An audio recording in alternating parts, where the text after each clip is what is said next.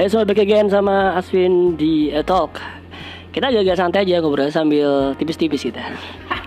sambil tipis-tipis. Barengan sama Jagat. Eh, Gat. Halo. Halo. Eh, tapi Harus pakai mic ini ya?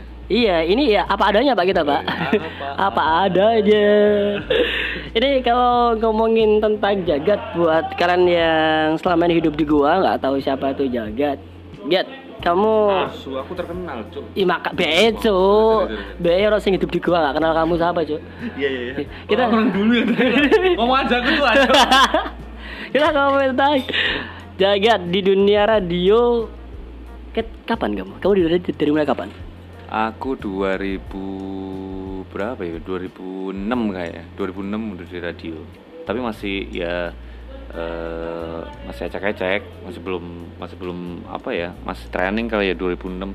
Dua ya 2006 akhir 2007 lah itu udah mulai masuk penyiar terus habis itu musik director 2008 2009 Teng- Ngomong tentang musik director nih.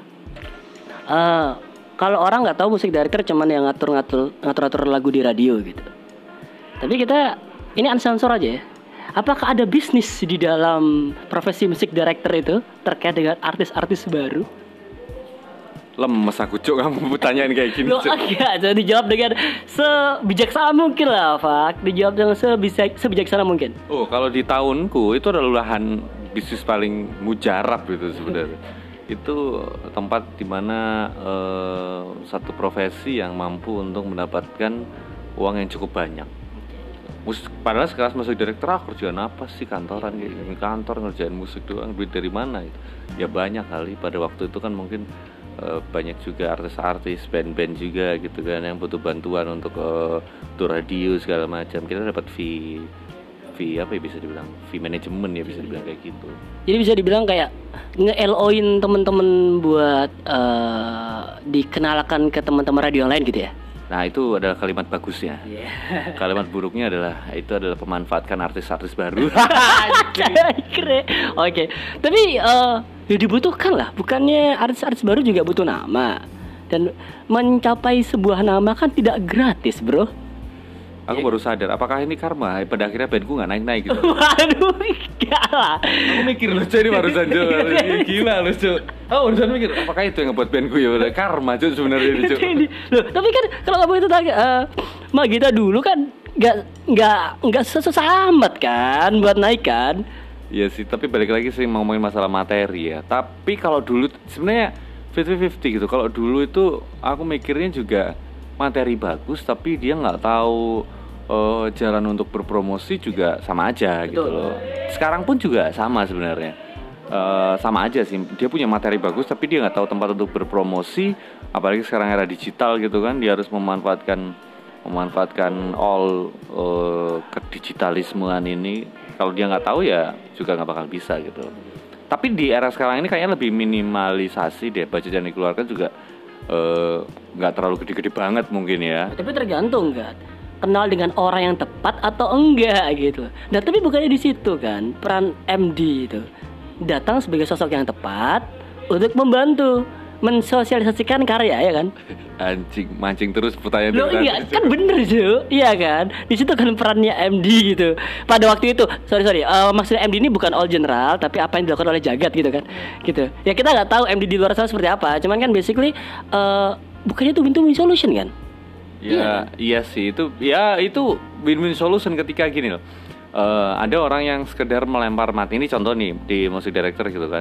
Ada orang yang sekedar melempar materi ke radio terus habis itu tidak di follow up. Follow up Iya. dalam arti ya udah diputar terus habis itu dia nggak meminta untuk eh, orang kan semakin sering mendengarkan lagu yang diputar kan semakin bisa hafal gitu kan. Nah, itu ada ada beberapa orang yang beberapa band, beberapa artis, beberapa manajemen, beberapa label yang dia tidak melakukan itu. Jadi ketika eh, di-push ya, sekali dikirimin terus habis itu diputerin cuma sekali eh, atau tiga kali atau lima kali doang gitu. Akhirnya kan yang eh, ngedengerin nggak notice ini lagunya siapa? Ini ini eh, nggak nggak heavy rotation gitu loh. Nah mungkin fungsi kerjasama pada waktu itu adalah membuat gimana materi ini heavy rotation gitu loh. Em, ya bisa dibilang tapi itu bukan semua MD harus menggunakan uang enggak gitu loh. Tapi dalam posisi yang kayak Jagat misalnya pada waktu dulu gitu kan. Aku nggak kenal dia siapa gitu. Kami pernah ada salah satu label di Jakarta, salah satu label besar gitu kan. Dia ngirimin materi terus nggak di follow up gitu loh. Tapi Jagat itu senang sama materi ini karena materi ini enak. Jagat sempat ngeliat sekali dia main di salah satu acara lalala ye ye ye gitu kan ya. Eh, loh lagunya kok enak banget gitu tak cari materi ternyata udah dikirim sama dia. Tak puter tak heavy rotation tanpa sepengetahuan label karena Jagat suka gitu kan. Eh, bukan karena suka karena pribadi tapi karena menurut eh, menurut Jagat pada waktu itu industri Materinya membutuhkan materi yang seperti ini gitu loh. Tak puter win. Heavy rotation banget tuh sehari bisa tiga kali selama sebulan. Alah dua minggu udah naik ke chart Uh, jadi mungkin gini, eh, perspektifnya seperti ini nih. Jadi buat yang dengerin ya, eh, bukan hanya harus materi bagus, tapi juga kuncinya itu adalah silaturahmi kali ya. Apa pun bentuknya loh ya, kita berbicara apa pun bentuknya. Kan eh, kalau label besar ada budgeting nih untuk mengheavy rotation kan karya itu kan salah satu cara di samping banyak cara yang lainnya gitu. Kalau aku rasa itu nggak salah, menurut aku loh ya, itu nggak salah karena eh, musisi, label, manajemen membutuhkan artisnya untuk naik, ya kan? Dan mereka menawarkan kepada MD jasanya. Yo, what's wrong gitu. Itu satu hal ya. Itu. Terus yang kedua adalah hmm, effort. Effort itu usaha. Apa ya, Gat? Kalau menurut aku sejauh mana sih kit- kita ngomongin tentang era sekarang di mana gak ada perbedaan besar sih mana major mana indie aku rasa ya nggak terlalu penting lah ya. S- seberapa seberapa kamu melihat seberapa jauh sih usaha musisi pelaku musik atau manajemen lah di kota kita? Kita berbicara tentang Surabaya. Untuk menghargai karya mereka sendiri. Dengan cara bagaimana sih caranya untuk membuat karyaku bisa heavy rotation agar orang notice? Saya, jawab apa sih Gat? karena menurut aku ya ah, ini menurut aku jujur aja kalau menurut aku dibandingkan oleh kota-kota lain kota tetangga kita ah, persentase kita kita kurang nge-push deh dari pelakunya aku nggak bilang media deh dari dari pelakunya effortnya usahanya itu loh dengan dali bahwa tidak ada panggung, tidak ada space buat kita berkarya. Apakah apakah setidak ada panggung itu untuk menampil, menampilkan karya bagi teman-teman pelaku gitu? Kalau menurutmu Gat? Nggak ah, nggak tahu era sekarang itu kalau Jagat bilang ya eh, band-band itu juga nggak tahu sih kalau notabene salah satu bentuk promo. Kalau dulu salah satu bentuk promo adalah media ya maksudnya media itu radio gitu kan seperti cetak gitu. Nah kalau sekarang mereka konsentrasi adalah bagaimana mereka mencoba gigs gigs gitu kan ya. Banyak gigs gigs tapi cuma di Surabaya aja gitu. Main di Surat main cuma di Surabaya aja loh. Surabaya Gresik Lamongan kayak gitu gitu terus mereka mengurung dirinya sendiri gitu. Kalau menurut Jagat ya bagi mereka itu gigs pada akhirnya mereka akan bertanya tentang berapa nominal gitu kan. Nah kalau ngomongin masalah nominal lah kamu sebesar apa gitu loh. Sebesar apa melakukan eh, brand image untuk bandmu sendiri sedangkan kamu ke media aja kadang juga eh, masih maju mundur gitu kan. Mereka yang berpikir bahwa gigs itu salah satu bentuk berpromo yang yang eh, paling efektif kalau sekarang itu. Orang semua butuh gigs sih cuman sekarang saya tanya gigs di Surabaya yang datang gigs nih ya yang datang berapa ratus orang sih? Gitu kan pertanyaannya kan gitu. Dibandingkan berapa ratus orang ketika kamu mencoba untuk mempromosikan dirimu di media berapa ratus orang kar- kali berapa media kan gitu? Iya betul. kalau satu gigs itu cuma 100 alah gigs kecuali kalau gigs event besar dengan bintang tamu yang besar gitu. Mereka akan nggak tahu sih apakah mereka sekarang masih bangga ketika aku bermain sama band dari Jakarta nih sebagai band pembuka gitu kan. Sedangkan satu sisi apakah itu sebagai bentuk promo gitu? Kalau menurut Jagat itu gak efektif dok. Ketika kamu bisa ada di band pembuka tapi sebenarnya nama kamu di teman-teman media ini nggak ada. Kalau semuanya nama kamu sudah ada dulu di teman-teman media kemudian kamu menjadi band pembuka teman-teman media juga pasti akan follow up kan? Maksudnya teman-teman media pasti akan ngepost juga bahwa wah band ini bakal jadi band pembukanya si A nih. Kita harus post nih dari eh, di playlistnya dimasukin nih teman-teman MD mungkin akan seperti itu. Tapi dengan sekarang itu mereka condong untuk tidak mendekati radio tapi mencoba untuk ya nggak apa-apa kreativitas masing-masing itu kan juga perlu. Tapi kita juga harus tahu bahwa bahwa salah satu media yang berpengaruh, salah satu yang mempengaruhi band itu memiliki nama adalah media itu sudah nggak bisa itu pasti. Iya, itu, itu pasti. Dan kalau menurut aku sih eh, sekedar bocoran sih. Minum dulu pak ya. Oh siap, sambil tipis-tipis gitu. Eh, bocorannya aku nggak tahu sih sudah tahu apa enggak, tapi tetap aja aku bilang bocoran lah. Kalau ada yang bilang ah, radio nggak seperti dulu nggak didengerin gini gini gini. Eh, asal anda tahu, ada berapa event besar di Surabaya itu pasti membutuhkan media support. Kalau anda tidak kenal dengan media, anda tidak akan bisa sampai di titik bermain di sebuah stage yang besar loh. Maksud tuh gini, bisa bisa bisa. Berapa sih persentasenya gitu? Eh, kemungkinannya berapa persen dengan kalau misalnya kita bisa mengenal banyak teman media gitu. kuncinya silaturahmi kan gitu pernah nggak sih ngerasa kalau misalnya ngerasa ngerasa putus asa dalam tanda petik ya membantu teman-teman teman-teman kita lah. Aku nggak bisa bilang spesifik siapa komunitas pelaku. Aku aku nggak bilang spesifik tapi pernah nggak sih merasa bahwa tuh are are gere ini pernah nggak sih merasa dalam fase kayak gitu kan Ya ada sih. Itu jangankan sekarang itu udah dari dulu. Aku di di radio juga juga ngerasa kayak gitu gitu. Sesusah ini kah gitu membangun membangun eh, apa ya semangat teman-teman semua untuk mendekati media gitu untuk ya, saya bisa bilang ini Surabaya ini benar-benar yang salah satu yang sulit gitu. Nggak tahu kenapa bapak saya kok masih konsentrasinya dalam membesarkan Surabaya. Itu jadi pertanyaan sampai sekarang. Tapi tapi jujur suka banget loh. Jadi menurut aku Kang Denny itu adalah salah satu orang yang berjuangnya sampai detik ini gitu. Membantu komunitas teman-teman musisi yang ayo naik ayo ayo ayo. Walaupun aku tidak melihat effort di seberang sananya. Kadang-kadang kayak gitu.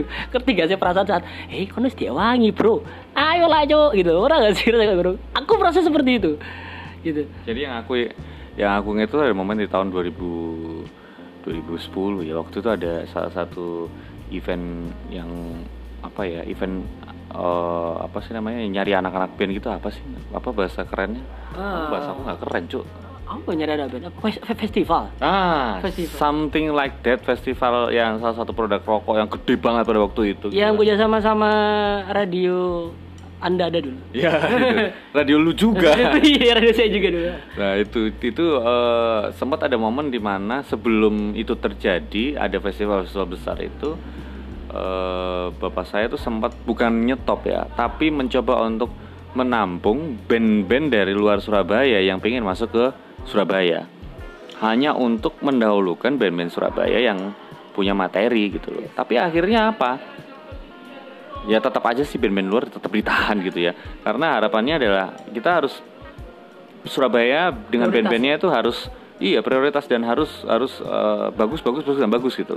Karena apa materi yang ditampung sama Kang Denny sama bapak saya itu lebih bagus daripada materi anak-anak band Surabaya gitu loh. oh oke siap siap Makanya kan akhirnya di stop gitu loh. Waduh ini kalau masuk Surabaya udah Kalah aja. eh, ya hancur lebur gitu loh pada waktu itu gitu kan. Wih, sadar nggak sih statement yang diomongin sama Jaka ini buat teman-teman ada kata anak-anak band yang dengerin ya sadar nggak sih seberapa seberapa kalian tuh hmm, ini bukan berarti karya nggak bagus sih maksudnya uniqueness kali ya karakter ya mungkin ya. Iya sih. Karakter. Jadi bisa dibilang eh, materinya materi sih beragam gitu kan. Tapi ada beberapa yang bener-bener bener-bener sekali denger langsung oke gitu. Nah itu materi-materi yang seperti itu tanpa harus mengikuti genre pop. Ini sekali denger oke enggak, atau reggae eh, juga sekali denger ada yang langsung enak juga pada waktu itu Indonesia eh Surabaya itu ada satu band British yang dia sekali main juga enak juga gitu. Nah dibutuhkan materi-materi yang bener kata Aswin unik juga terus habis itu memiliki karakter. Meskipun British tapi kan semua orang bisa main British tapi kan belum tentu semua orang punya karakter gitu. yes oke oke oke. Good good. Kita mungkin akan panjang nih untuk pembahasannya tapi sampai habis minumannya ini sampai habis. Baterai saya nggak kuat nih. Iya, iya. gini gini. Eh, semoga bisa ke save ya. Jadi em, apa sih Git? cari charger aja Iya, iya entar. Nah, ini dikat dulu jadi segmen pertama, Bro. Oh, gitu. gitu ya. Iya, iya. Jadi segmen kita langsung move ke segmen kedua tapi pertanyaannya sebelum kita tutup segmen ini adalah eh harapan kamu sih, Gat? Apa sih, Gat? Harapan kamu buat teman-teman band ini akhirnya mengerucut ke band aku tadi mau aku tadi nggak mau bilang kalau kalau mengerucut kemarin jadi ke teman-teman band atau musisi karena eh bangga lah kalau kita sebagai orang Surabaya bisa membawa nama Surabaya dengan karya kita pasti bangga ya. Tapi ada yang ingin kamu sampaikan mungkin sebelum kita tutup segmen ini. ini agak jahat kali statement ini aku nggak tahu aku tuh takut dibilang sama orang itu arogan dan segala macam kalau ngomong masalah harapan untuk band Surabaya itu saya tidak berharap apa-apa gitu tapi saya mencoba untuk melihat sebenarnya peluang apa di saat bisa dibilang adalah Surabaya ini Surabaya ini sudah terpuruk loh sekarang mulai tahun berapa sih band Surabaya nggak 90 muncul lah. gitu kan ya Kita kan bisa bilang paling booming kita eh kalau era padi padi padi eh bisa dibilang boomingnya di Jakarta dulu baru di aku Surabaya ya kan. Era bumerang mungkin. Era bumerang ya ya. berarti 90-an 90 eranya Om Roy. Nah itu bisa dibilang kan sampai yang ngomong sampai capek dengan orang yang ngomong sampai kapan Surabaya ini nggak muncul lah capek kalau sekarang ngomong harapan ya udahlah terserah kamu kayak gimana kalau menurut jagat ya. Terserah kamu kayak gimana ketika kita kumpul ada sesuatu yang positif diambil gitu. ketika kita kumpul ada sesuatu yang positif juga diambil. Kalau ngomongin masalah harapan nanti dibilang terlalu menggebu-gebu gitu kan. Tapi kalau Jagat sendiri sih nggak punya harapan untuk band-band atau musisi Surabaya. Tapi Jagat punya eh, setidaknya sumbangsih lah. Meskipun bukan materi gitu karena saya sudah tidak punya materi lagi gitu kan. Materi lagu banyak Iya, gitu. Tidak- setidaknya eh, ada sesuatu yang menarik yang yang sebenarnya ini adalah sebuah terobosan yang lagi saya terapkan juga sama band saya gitu mencoba untuk mencoba untuk eh, melihat melihat keterpurukan ini dari sisi yang lain dan menemukan celah sebenarnya Oke, itu sedikit untuk menutup segmen ini. Apaan? maaf ya agak berikut ada alkoholnya soalnya Nggak, itu jagat aja sih. Pok- Pokoknya gini, untuk untuk pembuka, sorry, untuk penutup kan belibet jadi kan belibet kan. Untuk menutup segmen ini mungkin terkesan jahat, tetapi itu adalah pengalaman dan curahan hati pribadi dari jagat yang bisa kita bilang dari tahun 2000. Kita bilang MD tahun dua- 2008 lah ya. 2008 sampai 2012-an ya. 2012 2008 sampai 2012 mengawal teman-teman band bukan berarti jaket putus asa putus asa. 2012 ya? Berapa tahun berarti ya Cuk? lima, lima tahun lima tahun? Iya. jadi lima tahun mengawal. kaya gue ya. Oh saat itu sempat kaya kok saya tahu. Tapi salah gunakan loh bro. Baru kerasa saat sudah berkeluarga ya.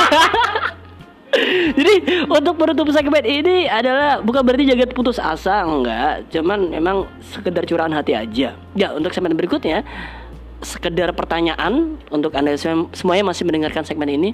Mungkin jiwa-jiwa menjadi raja di tanah sendiri itu harus ditekan deh. Kita harus mencoba jadi jiwa-jiwa penjajah di tanah orang lain deh, mungkin tuh ya. Tapi kita akan bahas lagi di segmen berikutnya. Oke, see you in the next segment.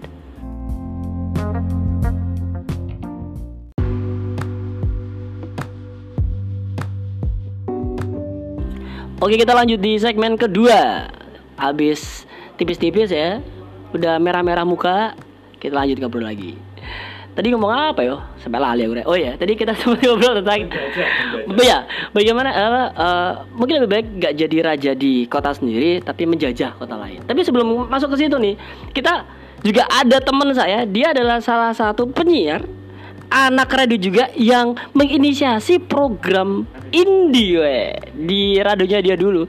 Dulu sempat nganterin Bungki dan teman-teman waktu dia di radio dia di Jalan Citandui itu yang itu sudah dibayar ya itunya. Belum. Oh, belum. Manajemen buruk anjing. Saya nggak bilang radionya apa. Pokoknya Loh, oh enggak lah. Ada beberapa radio lah di Citandui kan, iya, iya. satu rumah tapi. Kita satu grup. Malah lebih besar lagi satu grup kira enggak apa-apa. Ya untung ini podcast teman-teman. Oke, ini adalah salah satu yang terus sempat bikin juga di radio berikutnya sama saya juga tempat kerjanya Cafe 31 yang susah banget deal-dealannya sama bosnya ya waktu itu ya. Itu sampai program indie itu selalu ya. Nggak tahu kenapa nama program indie radio kita dulu itu tekanan radi, nama programnya daripada radionya. iya betul betul betul lebih terkenal. Cafe 31 itu orang dikira kafe beneran loh dulu. Mereka datang, eh ternyata itu adalah program radio gitu. Oke, kita ngomong ke Linggar. Eh gini, eh, Gar tadi itu kan sempat ngobrol itu ya kita eh, tentang keluh kesahnya jagat waktu zaman jadi MD dan dia juga narik-narik duit gitu kan biasa mafia radio kan jagat itu Calo, Calo, calo, calo. Kasar aja. kalau eh, ya seberapa signifikan sih teman-teman musisi ini, ini kan tadi kan kita sudah ngobrolin tentang peran media dalam membantu teman-teman musisi loh ya. Kita ngomongin peran media Eh, pasti membutuhkan lah. Salah satu jalan untuk brand promo itu adalah media. Berarti media ada dong sangkut pautnya dengan membantu teman-teman musisi. Sekarang seberapa jauh sih teman-teman musisi ini signifikan. Jadi teman-teman teman-teman musisi jangan sakit hati bisa jadi cermin kita bersama ini ya. Seberapa jauh teman-teman musisi atau pelaku musik Surabaya untuk feedbacknya ke radio? Kalau aku sih lebih ke gini ya, era milenial sekarang kita tuh dibutuhkan narsis, eksistensi, eksis dan sebagainya. Nah, media ini salah satu jalan untuk menjaga eksistensi kita. Jadi eh, kalau kita punya karya, karya kita dipandang eksis, selain platform digital kayak Spotify, Juk dan lain sebagainya, Deezer dan sebagainya, media kenapa penting? Karena di situ kita lah diukur eksistensi dari karya kita. Kalau karya lu cuma ngomong di Spotify dan di Juk, di radio nggak ada, ya karya nggak nggak termasuk salah satu karya yang eksis. Maksudnya kalau kamu pengen karya kamu dibilang eksistensinya lebih kuat ya, media masih jadi pondasi untuk menjaga eksistensi itu. Oke. Nah sekarang balik lagi pertanyaan nih. Eh, sejauh mana teman-teman musisi ya itu bisa mendatangkan keuntungan? Keuntungan tuh luas ya. Kita nggak ngomongin nominal ya. Keuntungan tuh bisa brand, barter apa pun untuk kepentingan media itu sendiri gitu. Sejauh mana sih teman-teman musisi itu memiliki eh, apa ya eh, kelebihan untuk membuat program itu bisa atau nama radio itu bisa naik gitu. Ini kita ngomong radionya berarti. Oh enggak, kita ngomongin tentang musisinya. Musisinya. Iya, jadi eh, kan kalau kalau Linggar kan menghandle ya dua radio dengan program yang notabene itu satu genre kan programnya yaitu pergerakan teman-teman indie menampung teman-teman indie untuk karya bisa di up di radio. Nah, itu kan kalau dari sisi kalau dari sisi musisi kan terbantu dong. Ya. Nah, kalau dari sisi media terbantu nggak sih sama teman-teman musisi jujur-jujuran aja gitu. Karena kita tadi sempat ngobrol tentang ada beberapa teman-teman juga yang kayaknya ogah-ogahan gitu loh, berharap cuman masukin materi habis gitu ditinggal nggak ada follow up. Nah, kira-kira musisi itu signifikan gak sih untuk Buat media. Iya, iya. Oke. Kalau aku sih sangat signifikan ya. Karena gini loh, kita nih sama-sama saling membutuhkan. Kita juga butuh materi teman-teman, teman-teman musisi di sini. Dan kalau kalau kita ngomong radio ya, kalau ngomong radio eh, karena saya berkecimpung di radio, jadi intinya tapi lihat lagi radionya ya. Radionya rame event atau enggak? Karena iya. Wah, kalau ra- ra- radio saya sebelumnya Pak ya keluar dari kantor ya itu monggo Katristan Kabudayan Poro Pami Danget. itu ya wayangan aja percil dan teman-teman ya cendol dawet ya itu balik lagi ya kalau ngomong kita mau eksistensi radio juga butuh eksistensi dengan cara off air Yes. ya untuk menjaga selain juga platform digital kita juga harus maintenance juga di situ dan intinya ketika kita punya banyak musisi yang menjadi list kita otomatis event kita juga sangat terbantu. Kita nggak bingung cari band siapa yang bakal perform lagi di event kita yang nah kita ngomong masalah sponsor ya. Misalnya ada satu produk eh, apa namanya eh, kesehatan misalnya dia dia bikin workshop baru apa namanya tempat toko baru atau galeri baru atau tua misalnya. Nah, ya anggur. Nah, bikin bikin ini, bikin kafe baru di Surabaya. Butuh anak-anak indie Surabaya. Nah, data data list kita, data bank kita, anak-anak musisi indie lokal Surabaya, kita keluarin semua di situ. Jadi saling-saling emang membutuhkan. Kita bisa kasih im- apa namanya impact buat mereka dengan cara memberikan gigs. Kalau ada sponsor otomatis kita juga kasih fee dong buat mereka kita profesional. Jadi ya kalau kita sih anak radio sangat sangat membutuhkan teman-teman musisi Selain materi bisa di play di radio kita, kita juga bervariasi materi lagunya. Yang kedua adalah ketika event, kita nggak bingung nih cari-cari anak-anak lokal hero Surabaya yang kita ajak untuk main gigs. Jadi ya tinggal ngeluarin-ngeluarin data bank kita yang kita punya aja gitu. Oke. Jadi seperti itu ya. Jadi kalau berbicara tentang masalah media dalam hal ini radio, jangan berpikir untuk siapa sih pendengar radio, jangan berpikir seperti itu. Kalau kalau menurut Aswin ini ada dua poin, yaitu poin pertama adalah radio adalah rumah industri kreatif saat ini. Ada berapa event, ada berapa gigs yang pasti membutuhkan media partner. Di mana teman-teman radio akan pasti ada ada data bank dong. Teman-teman yang sudah uh, input lagu untuk di play. Nah, kalau kita melihat era sekarang apa sih batasan antara major sama indie? Batasnya cuma kreativitas ya mungkin ya. Nah, di satu sisi berarti teman-teman musisi juga harus memanfaatkan dong simbiosis mutualismenya ini. Jadi jangan merasa egois dan merasa paling tahu bahwa ah radio ada dengerin, aku fokus ke YouTube aja. Boleh, boleh. Tapi kan kalau kita berbicara secara profesional, secara brand, secara produk, bagaimana produk kamu atau karya kamu atau band kamu tuh supaya bisa dikenal luas, ya bersilaturahmilah dengan teman-teman radio. Ya itu poin satu. Poin yang kedua adalah eh, radio sama membutuhkannya anak band begitu pula anak band membutuhkan radio kita kesampingkan eh, industri bisnisnya kita akan berbicara tentang kemajuan musik di kota kita berarti gitu kalau banyak input masuk ke radio berarti banyak juga gigs yang bakal gigs yang bakal betul banyak mainkan. banyak gigs yang akan dimainkan dan berarti banyak musisi secara persentase ya akan lebih banyak musisi Surabaya yang mengambil alih gigs daripada musisi luar Surabaya begitu. Nah, it- kalau terkait tentang Surabaya berarti kita masuk ke yang kita omongin tadi, menjadi raja di kota sendiri itu mungkin tidak itu kurang bagus, lebih bagus lagi jika menjadi penjajah di kota lain. Nah, itu kalau menurut Jagat pengalaman pribadi nih, kan pernah jadi anak band, pernah jadi MD, pernah jadi penyiar, pernah diidolai banyak fans, pernah jalan sama fans gitu kan, pernah nakal sama fans juga ya. Oh. itu itu Nggak pernah sama fans. Oh, nggak- nggak pernah. Sama di luar fans. sama, sama temennya fans sama haters dia sama haters ya Lebih aman. lebih aman. Kalau menurut Jagat eh, pengalamannya apakah apakah seplay safe itu teman-teman atau apa sih harus dilakukan tips deh dari Jagat untuk min- minimal bisa lah menyamai Mahagita dulu. Kok anjing kan bener kan? Raja pensi lo dulu bro. Waktu dulu di ketemu Jagat ini kita satu SMA lo dulu ya. Eh, ketemu Jagat di depan Colors waktu itu di warkop nyapa Jagat. Jagat tuh saking terkenal sombong. Gak Anjing mau, dibahas, Cuk, gak bangsat. gak gak mau Tahu boleh. duin, Jan. Gak gak mau boleh cuk. Satu alma mater SMA. Kamu masih apa kamu Mas Trimurti masih apa kamu kalian berdua masih apa Mas Trimurti Waduh. aku ini anak Trimurti cabang Madiun Aku apa? Marilah. Bukan, ayat hidup bukan bukan bukan. Oh, pengalaman sebagai Bagita. Eh a- apa sih soalnya kan banyak yang pokoknya aku udah recording jadi di mixing mastering lempar radio wes lillahi taala. Karena ada yang kayak gitu. Ada yang bener-bener memikirkan wah ini laguku pasarnya segini nih. Apa yang aku lakukan nih? Kalau jaget gimana Get? Aku gimana tadi pertanyaannya? Allahu Akbar apa ngaruh ala kali deh jadi eh Pak Ali sampai oh ya jadi kalau kalau menurut Jagat nih apakah perlu untuk menjajah kota lain? Apakah itu yang dilakukan oleh Magita atau kayak gimana sih? Menurut perspektif Jagat deh. Atau yang harus dilakukan oleh Magita atau yang harus dilakukan oleh teman-teman musisi?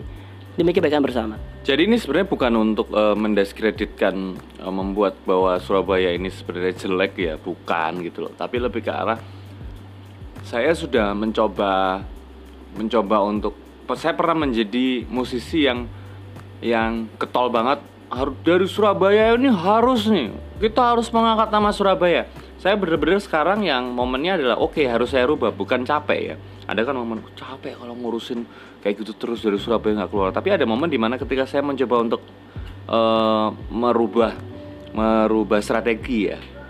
Gimana sih eh, kalau eh, kalau eh, musisi dari Surabaya keluar dari Surabaya gedein nama di kota lain setelah itu terkenal kota itu eh, dari mulut ke mulut promosinya kemudian sampai di Surabaya bahwa orang Surabaya tahu bahwa yang terkenal di kota lain itu adalah band Surabaya gitu saya juga mau tahu responnya seperti itu karena sejauh ini masih belum ada sih, masih belum tahu sih jagat yang yang tiba-tiba ada satu band yang rilis dia nggak di Surabaya, tapi rilisnya di kota lain kayak gitu-gitu. Bukan berarti mengesampingkan kota Surabaya ya, tapi ada ada momen di mana ketika gini loh, eh, kalau ngomongin masalah hidup, kalau kita di situ-situ aja nggak berkembang kan kita harus mencoba mencoba di tempat yang lain gitu loh, di tempat nah itu di tempat yang lain itu yang yang mencoba yang jagat mau coba gitu karena sejauh jagat mencoba di tahun 2000 saya mencoba di tahun 2017 delapan dengan Mahagita itu ya pada waktu itu sih memang karena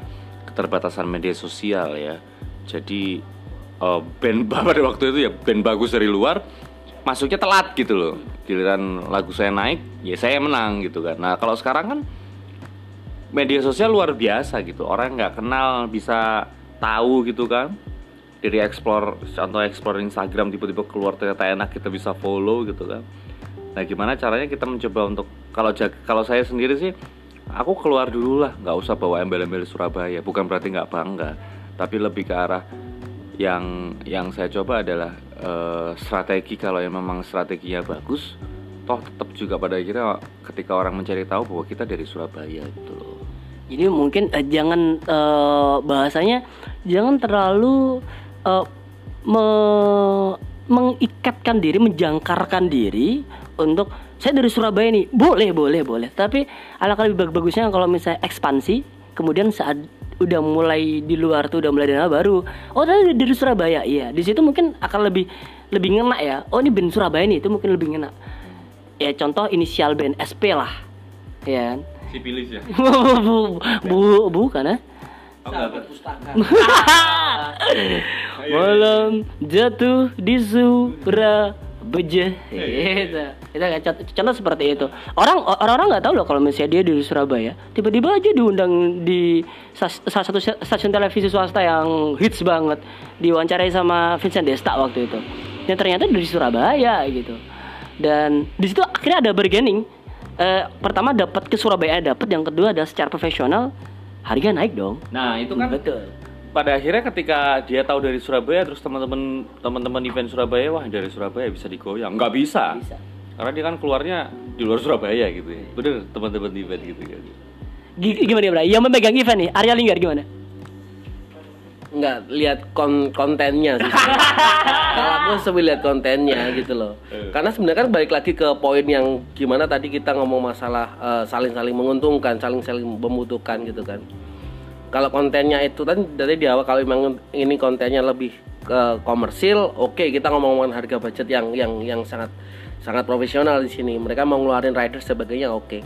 Cuma kalau kontennya sekedar gigs radio yang sama-sama menjaga eksistensi ya mungkin perilakunya bakal dibedakan. Karena baik lagi ke pasal pertama kita nih saling membutuhkan. Kalau kamu ngom- ngomong masalah eksistensi ayo kita jalan-jalan bareng maju-maju bareng gitu.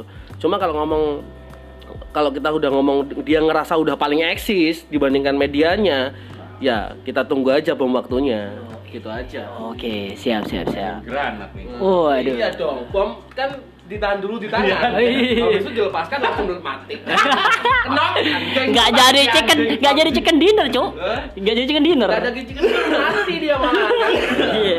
Oke, jadi mungkin eh, untuk konklusinya adalah banyak jalan menuju Roma. Jadi kalau dari sisi Arya Linggar, dia selain juga dari pekerja media, dia juga event. Jadi tahu banget untuk eh, untuk kisi-kisi dari konten yang dilakukan. Apakah kamu membutuhkan eh, promo branding atau kamu juga secara profesional nih, tapi juga har- harus dilihat dulu seberapa besar kamu mengetahui harga produkmu itu kan yang juga harus diketahui. Jadi em, ada berbagai pilihan kenal dengan media silaturahmi bisa tanpa silaturahmi ya bisa tapi juga akan lebih baik lah kalau menambah teman sih kalau menurut Asun seperti itu. Cuma ada satu satu tambahan eh, kalau kalau buat teman-teman musisi ketika milih media tuh apakah kita harus pilih dan pilah untuk masalah lagu kita masuk ke media mana? Oh ya harus karena eh, itu adalah menjadi beginning power kita sebenarnya. Kalaupun juga kita ngelihat aku minimal laguku bisa di play di semua radio di Surabaya. Cuma kalau sekedar di play aja Spotify sudah membantu. Makanya pilihlah radio atau media yang sangat-sangat punya bargaining power yang kuat buat eksistensi kamu ya salah satunya ya kita sebut saja M Radio gitu loh ya saya sekali lagi M Radio di underline ya M Radio jadi karena selain on airnya on airnya juga memberikan ya future gigs lah Luar biasa ya. Tadi menyambung yang eh, segmen pertama tadi kalau ngomong bahwa radio sudah tidak ada eh, andil di dalam dunia eh, permusisian gitu. Sebenarnya salah. Kalau tidak ada andil dalam dunia musik ini bukan karena kita kerja di AM Radio, tapi di AM Radio ini iklannya juga cukup banyak loh. Bagaimana ketika klien itu memasang iklan dia akan berpikir berapa jumlah pendengar kan? Yes. nggak ngelontor uang nggak cuma ngegelontor uang kalau klien apalagi di zaman sekarang gitu kan? Berarti sebenarnya radio ini eksistensinya juga cukup tinggi karena banyak klien juga yang masuk. Kalau nggak percaya ya kamu bisa buktikan berapa jumlah iklan yang ada di M Radio dibandingkan dengan M Rad- eh, dibandingkan dengan radio yang lain. Notabene adalah kita bisa bersaing cukup ketat dan bahkan bisa satu program itu banyak iklan juga tuh di kita. Iya betul. Sekali lagi eh, nambahin, kalaupun juga ada statement ngomong bahwa oh radio atau media lain tuh kalah sama sosial media sekarang. Oi, eh, apa namanya? Sekarang tuh eh, media ini sangat bersahabat dengan sosial media, bukan kita berkompetitoran, tapi justru kita malah bersahabat. Ketika kamu ngomong sosial media adalah lawan dari media, itu eh, apa namanya salah besar karena semisal eh, s- oh, ini bounce nah ini jadi i- intinya adalah ketika kamu masuk media media itu juga concern kok ke sosial media. Jadi jangan khawatir kamu masuk media tuh dapat dua hal yang menjadi keuntungan kamu. Sosial media juga dapat promonya balik lagi ke asistensi. Di medianya juga kamu dapat keuntungannya gitu. Oke, ya berarti kembali lagi ke poin seberapa kamu mengenal produk kamu.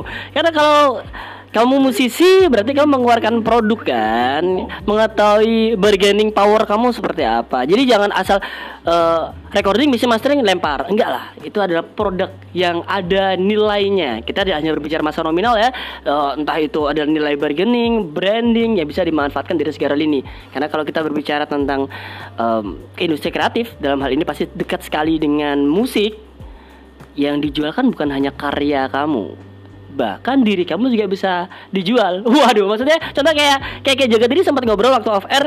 Ini ada satu band dari kota luar dari kota luar Surabaya ya yang lagunya sih nggak terlalu bagus-bagus banget nggak.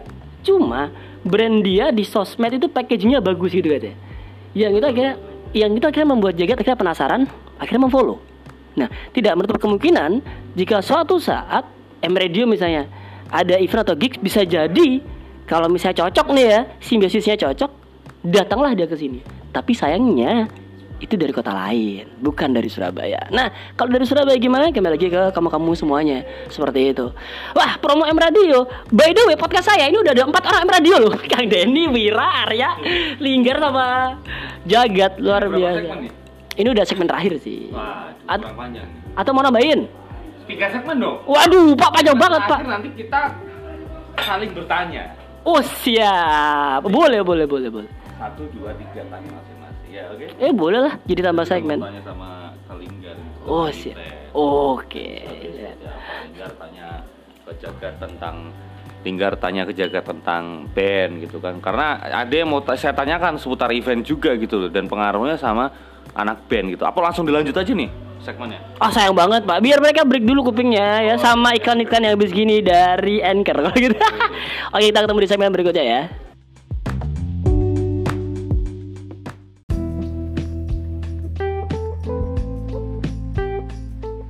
Oke back ke segmen ketiga atas permintaan dari Jagat ya.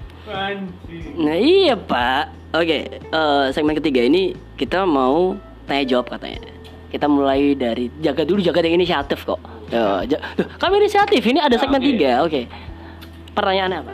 Menurut Linggar sendiri, eh, kan ini kan aku lagi mencoba untuk strategi yang baru gitu kan tentang aku mencoba untuk keluar dari Surabaya karena aku pikir bukan karena Surabaya ini seperti apa, tapi dalam kondisi yang aku pengen aku nggak mau yang menggebu-gebu bahwa aku orang Surabaya gitu loh.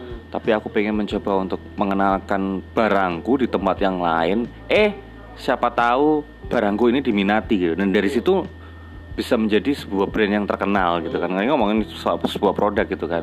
Kalau menurut Linggar sendiri bener apa salah kayak gitu? Wah ini curhat nih cerita ini bro Ya kan tanya. Oh siap siap Bebas. Kalau ngomong masalah itu kan sangat dibenarkan sekali karena gini loh, ketika kita ngomong masalah manajemen indie, sebenarnya kan ruang lingkup kalian juga harus lebih luas dibandingkan anak-anak major label. Kalian mau roadshow ke mana pun jadwal kalian yang bikin, ya kan? Iya. Kalian sendiri. Kalau major label harus ada schedule-nya pak. Kamu wah, kamu harus gini gini dulu, gini dulu, sampai nunggu bener-bener kamu matang dulu untuk biar langsung roadshow ke media visit ke kota-kota lain. Lah sekarang akses yang seperti itu kan kalian kamu udah tahu nih jalurnya harus seperti apa dan itu emang sangat dibutuhkan. Kalau kamu ngomong masalah kamu cukup di Surabaya itu malah salah. Harusnya kamu memang lebih luas seluas-luasnya dibandingkan anak-anak yang ada di major label karena kamu indie bebas harus ngapain aja bebas dan itu ada salah satu cara ketika kamu pengen eksis itu sangat penting oh, cuma Kenapa kok bukan Linggar jadi tim manajemen ya aja Loh, bagi kita gitu? bakalan gitu nanti Oh, dia siap. punya TV dia punya radio dia punya semua Oh, siap. dia kan yang maha benar sebenarnya Oh, iya. Oke terus. tapi tapi itu balik lagi di segmen pertama tadi ketika Jagat ngomong eh, seperti ini ya eh, kamu boleh berada di garda garda terdepan eh, orang-orang yang kamu bela entah itu komunitas entah itu kota Surabaya tapi jangan pernah membelenggu jiwamu di tempat yang sama seperti itu yang akhirnya merugikan kamu sendiri. Sebenarnya kalau kamu ingin membebaskan belenggu itu, kamu kan harus menjadi orang yang bebas dulu gitu kan. Ya wes, jadi freeman dulu untuk membebaskan eh, orang-orang yang terbelenggu. Contohnya ya mungkin Surabaya yang bisa bilang notabene udah terbelenggu sudah banyak di- sudah lama sekali tidak mengeluarkan eh, nama-nama di di dunia permusikan gitu, di dunia permusisian gitu kan. Yaitu salah caranya mungkin menjadi orang yang bebas dulu tanpa membawa nama satu kota atau sama satu komunitas gitu kan. Ya mungkin itu terjawab sudah berarti saya disetujui oleh yang maha benar. gitu. Oh iya mah benar Arya Linggar ya. Siap oke. Nah sebagian Arya Linggar mau tanya silakan. Kalau aku sih lebih ke anak-anak band sekarang tuh butuh nggak sih namanya apa namanya ornamen-ornamen dalam bumbu-bumbu untuk kalian promo gitu misalnya bikin vlog dan sebagainya. Maksudnya eh, bumbu-bumbu itu menurut kalian penting nggak untuk mempromosikan lagu kalian gitu? Apa pribadilah jagat eh, band Mahagita sudahkah memulai itu kalaupun juga penting? Itu satir banget cuy. Jancuk banget ini ya. Kalau menurut itu satu hal yang sekarang lagi benar-benar jagat percaya bahwa itu di era sekarang ini sangat penting gitu kan. Kenapa pada akhirnya di satu band itu butuh orang yang yang kreatif gitu. Itu sangat penting banget. Jadi ada beberapa band yang notabene adalah eh, ada step nih. Dia sambil main PUBG dong jagre terus. Enggak, enggak, ada band yang notabene adalah dia punya dia punya quality quality fit yang bagus di Instagram, quality eh, video yang bagus untuk di-share di YouTube gitu kan. Berarti kan o- orang butuh yang namanya kreativitas-kreativitas gitu kan. Orang butuh yang namanya kreativitas-kreativitas tersebut gitu loh. Ya kalau menurut Jagat itu sangat penting apalagi ngebuat video meskipun kontennya adalah bukan konten tentang musik tapi eksistensi itu balik lagi seperti yang disampaikan Linggar tadi itu adalah penting gitu eksistensi ya eksistensi jadi emang ya kalau sekarang karena Jagat mengakui bahwa kelemahan saya adalah dari be- personel-personel saya tuh tidak ada orang yang eh, mengerti akan fit yang bagus tentang media sosial gitu loh yang aku harus mencoba untuk mencari orang yang yang tidak terlalu eh, banyak tanya tentang fee-nya berapa tapi dia mau mencoba untuk membangun sesuatu dari nol nah itu yang susah sebenarnya susah didapat sama orang-orang Surabaya gitu. Oke, nice. Jadi eh, bisa dibilang kalau yang dibutuhkan adalah ini terlepas dari Mahagita ya. Yang dibutuhkan oleh teman-teman band selain personal band itu sendiri adalah tim di belakangnya. Karena membutuhkan produk yang bagus juga. Eh, Produk yang bagus kan juga membutuhkan eh, marketing brand yang bagus juga kan. Penting. Eh, isu yang harus diangkat nggak harus tentang musik ya kayak. Jadi nggak harus tentang musik. Eh, ngevlog mungkin kita bisa belajar dari Eri Sukamti bisa, ya kan? Dari teman-teman yang lain juga. Bahkan Danila juga bisa kalau kita lihat eh, Instagramnya dia bukan Danila musik ya Danila sendiri dia banyak mengatakan sisi personalnya dia gitu tentang personalnya dia apa yang dia rasakan apa yang dia alami gitu oke tadi jaga eh, A- A- Arya Linggar sudah nanya sekarang juga tadi nanya dong ayo apa anda yang membuat saya ada segmen lagi Anda main PUBG gimana? Enggak, kenapa saya yang tanya lagi? Saya sudah tanya. Kamu sekarang yang tanya Win ke Oh, oh, Jadi aku udah tanya ke ah, Linggar, Linggar udah tanya ke aku lah. Kamu tanya ke dirimu sendiri. Jangkrik Kamu tanya ke salah satu dari kita, bebas. Oh iya iya iya Oke tanya ke Linggar dulu apa saya dulu boleh bebas. Oh boleh boleh boleh boleh Nanya ke Linggar dulu deh kali Eh, Seputar radio, seputar event, seputar Mungkin promosi. Mungkin seputar ini deh, eh, mungkin seputar tentang dunia yang saya cintai itu adalah dunia radio gitu. Eh, karena ini adalah udah terlanjur dari segmen pertama, kita udah sangat-sangat uncensored banget. Sekarang aja nanya gitu. Em, kalau misalnya dari angka 1 sampai 10 seburuk apa industri radio di kota kita aku nggak bilang di secara global atau secara Indonesia ya di kota kita dari 1 sampai 10 di angka mana seburuk apakah industri radio di kota kita ini ada lingkar Eh, kalau dinilai sih eh, tapi ini dalam jangka pendek ya selama selama jangka waktu pendek itu dalam arti ngelihat yang sekarang terjadi kalau tapi semua. bukan eh, tapi maksudnya bukan yang terjadi di M Radio maksudnya adalah Bukan, ya. secara kota secara ya, kota. secara kota. Aku rasa sih secara bukan hanya kota Surabaya tapi kelihatannya juga lebih ke general ke Indonesia. Maksudnya lebih ke industri ini lebih lagi keruh untuk ngomong masalah on airnya. Cuma balik lagi ya kalau bisa dibilang nilainya sih 5 aku pernah survei kecil-kecilan secara personal tanya anak kuliah tanya "Eh, kamu kapan terakhir dengerin radio? Apa komitmennya? Jawabannya adalah statementnya adalah radio jadul bilang gitu pak. Oh ya padahal setahu aku kalau misalnya mereka di, di mobil dengerin radio pak. Nah, makanya dia bilang jadul. Jadi kan ke sini tuh jangan sedih anak milenial tuh sekarang lebih ke eh, smartphone. Jadi walaupun kamu ada di kota Surabaya dengerin radio lokal aja sudah pakai streaming. Dia dia nggak nggak mau yang konvensional. Jadi kan kalau ngomong itu kan eh, aku sih jumlah pendengar radio pun juga setiap tahunnya mengalami penurunan. Jadi nggak bisa dipungkiri juga ini kayak apa ya? eh, kayak sesuatu ancaman gitu buat aktif at- aktivas aktivis aktivis radio. Jadi sekarang kita bukan mikir kita harus saingan dengan radio apa, tapi mikirnya adalah kita harus bikin radio ini seperti apa. Jadi intinya radio kalau dibilang nilainya 1 sampai 10 kita aku kasih 5 nilainya. Karena balik lagi ini industri yang sangat keruh tapi kalau kita bersatu nih anak-anak radio yang di kota Surabaya angka 5 tadi bisa berubah jadi angka 9. Oke, jadi angka 5 bisa berubah menjadi angka 9 Bisa kembali lagi ada beberapa beberapa kali Asun ketemu dengan teman-teman radio kampus dan sempat ngobrol tentang hal ini juga tentang industri radio. Kebanyakan kalian ini menurut Asun ya ini nggak atau mungkin bisa dibenerin sama Linggar atau Jagat ya. Kebanyakan teman-teman radio kampus yang berkutat di UKM radio bisa dibilang mereka adalah calon-calon generasi penerus kita nih re- regenerasi industri radio ke depannya. Mereka terlalu sibuk dengan public speaking dan juga menjadi penyiar. Boleh sih itu bagus, tapi radio itu kan ada banyak ada banyak elemen selain penyiar gitu. Ah, apakah bisa dibilang radio saat ini membutuhkan lebih dari penyiar atau gimana? Jangan hanya berkutat mentok di penyiar aja. Mungkin entah penyiar plus bisa produksi mungkin, penyiar bisa pok- pokoknya industri kreatif atau kayak gimana menurut kalian? Siapa, siapa dulu jaga atau dulu? Linggar, linggar, linggar. Jadi intinya adalah s- tanpa kita sadari kita menjadi penyiar itu adalah sosok bagaimana kita membuka mata kita tuh lebih luas dibandingkan dari pekerjaan lain. Koneksi kita bakal luas menjadi penyiar radio. Otomatis ketika nanti kita jadi pen- penyiar radio kan kita bakal ada side job MC dan sebagainya. MC pun kita juga bisa ngelihat bagaimana orang bikin packaging konsep Sweet Seventeen, bagaimana konsep gathering. Akhirnya kita mata kita dipaksa untuk bisa melihat itu dan meresapi, meresapi dalam arti mengambil itu semua resapannya kita ambil semuanya. Yang next ketika kita ada tantangan untuk create sesuatu, kita udah siap. Jujur saja, ketika saya jadi event promo, saya tuh belajarnya secara otodidak karena melihat. Karena ada prinsip ATM kan, amati, tiru dan modifikasi.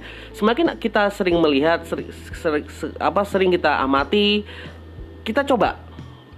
Aswin sendiri kan sudah mulai nih dari basic dari penyiar, terus apa namanya eh, bikin IO sekarang. Aku rasa karena Aswin sering banyak melihat sesuatu di situ. Ketika menjadi penyiar banyak melihat sesuatu dan akhirnya men- mencoba tantangan baru, challenging baru, yaitu adalah menjadi IO. Nah, ke depan penyiar tuh emang harus dituntut seperti itu.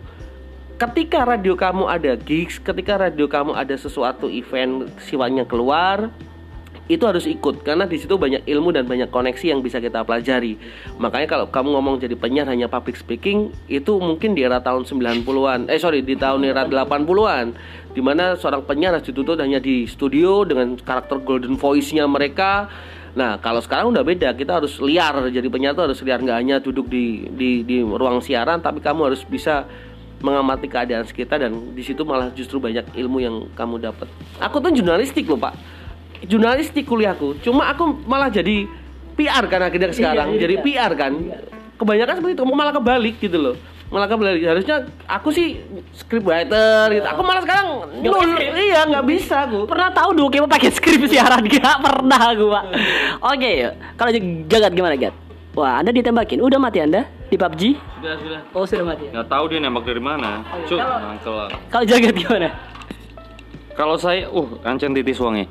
Kalau saya sih ngelihatnya emang bener kata Lingga. Jadi kalau zaman sekarang adalah penyiar harus multi talent ya, nggak cuma sekedar eh, call station aja, pernafasan aja kayak gitu-gitu. Tapi dia Intonasi, intonasi aja. tapi dia harus ngerti ketika sebuah radio ini memiliki event dia harus seperti apa gimana caranya menjadi bagian yang luar biasa di radio ini kan bisa bisa seperti itu toh jadi multi talent ya nggak cuma dituntut untuk uh, soft ah soft skill ah, hard skill soft skill aja tapi hard skill juga ada gitu loh bisa dibilang seperti itu ya itulah. Kalau kalau ngomongin radio sekarang ya emang bisa dibilang ketika bapak saya yakin saya yakin bahwa radio ini bakal bisa kembali lagi ke ke masanya lagi.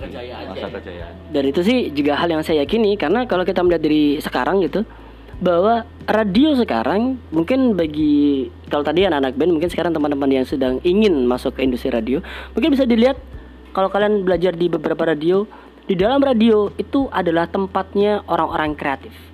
Di situ ada kalau trip. sekarang iya. Kalau dulu nggak perlu kreatif punya suara bagus aja udah jadi. Iya. tapi sekarang punya suara bagus nggak kreatif ya sama aja. Jebol. Iya, sama aja. apalagi kayak saya suara jelek tapi nggak kreatif. Udah jualan sambel cuk.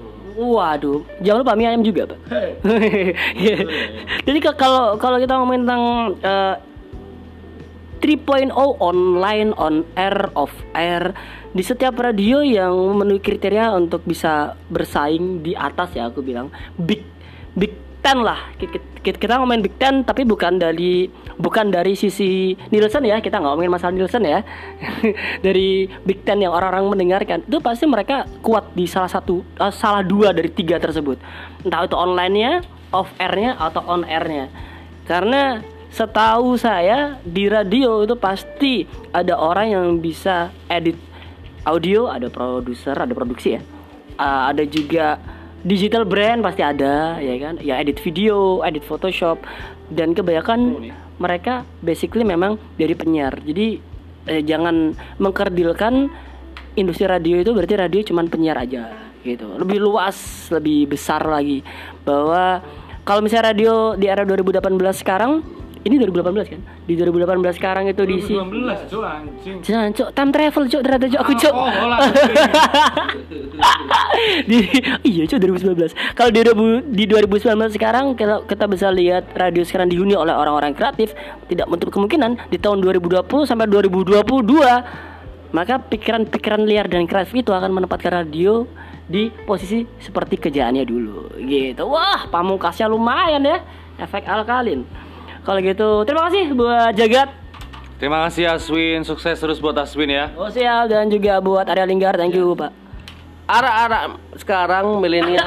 Arah-arah sekarang. anak-anak sekarang itu yang harus berperan penting adalah anak-anak generasi 90 Betul. karena apa? Karena di masa-masa era tahun 90-an itu adalah kita di masa dua-dua transisi ya. Di mana kita masih menikmati konvensional dan kita juga menikmati modernisasi ataupun juga milenial sekarang. Makanya kenapa aku ngomong generasi 90 sangat punya peranan penting karena kita memiliki dua transisi itu tadi kita memegang itu. Makanya apalagi ngomong masalah fashion fashion tren sekarang itu kan balik, Balik lagi, lagi. ya.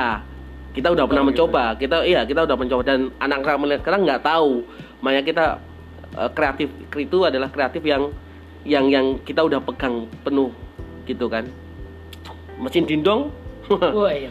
Kita Balik coba lagi, sih. balik balik lagi. Balik sekarang iya. Vintage anak gitu. milenial kan nggak pernah main dindong pak. Ada momen kita tinggal bersabar aja. Makanya jaga selalu mendoakan Kang Denny selalu sehat dan amin. Amin. Dan Linggar juga selalu sehat karena Amin. Linggar bagi saya adalah Kang Denny kedua gitu Oh, yang siap. yang masih berjuang di dunia radio ketika di tempat lain seharusnya dia mendapatkan uang yang lebih banyak gitu Amin. Betul. Nice. Wuh, luar biasa penutup yang luar biasa.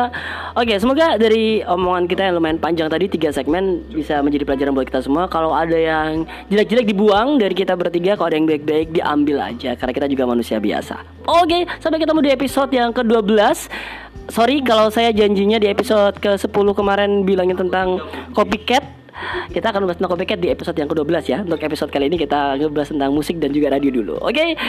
Jangan lupa juga untuk kunjungi situs www.satumeja.com Dan ini juga bisa dinikmati via Spotify dan juga bisa dibeli kalau mau. Di iTunes. Asin pamit, see you and bye-bye